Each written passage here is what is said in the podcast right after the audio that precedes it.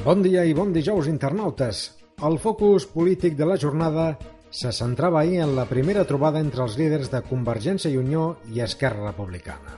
Amb un nou escenari polític, Artur Mas busca suports i la primera porta que ha trucat és la d'Oriol Junqueras, líder del principal partit de l'oposició, un càrrec que sembla continuarà ostentant ja que reiterava la seva negativa a entrar al govern, però amb matitzos, ja que demana a la força guanyadora que canvi el rumb en polítiques nacionals i socials.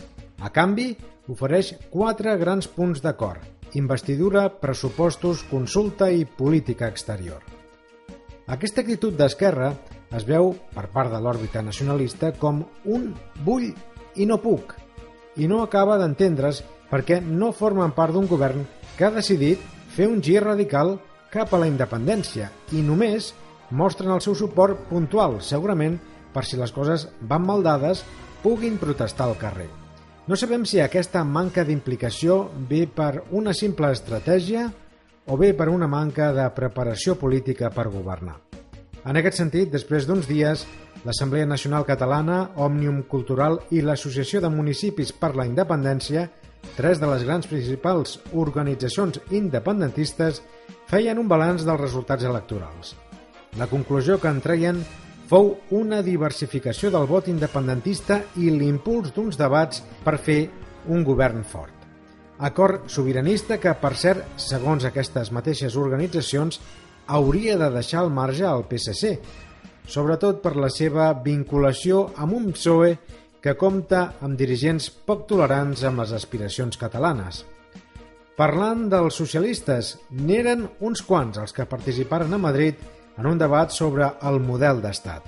Entre els convidats hi havia Felipe González, Maria Dolores de Cospedal, Miguel Herrero de Miñón i Miquel Roca, entre altres. Un dels que sorprengué l'auditori fou un altre amic de Catalunya, l'expresident extremeny Rodríguez Ibarra, el qual va llançar una proposta per tal que Felipe González i el príncep Felip liderin un nou pacte institucional que garanteixi la convivència a l'Estat. Una proposta que rebé una resposta inquietant per part de l'audiència perquè, sent un clar reflex de la filosofia mesetària, la majoria esclataren a riure.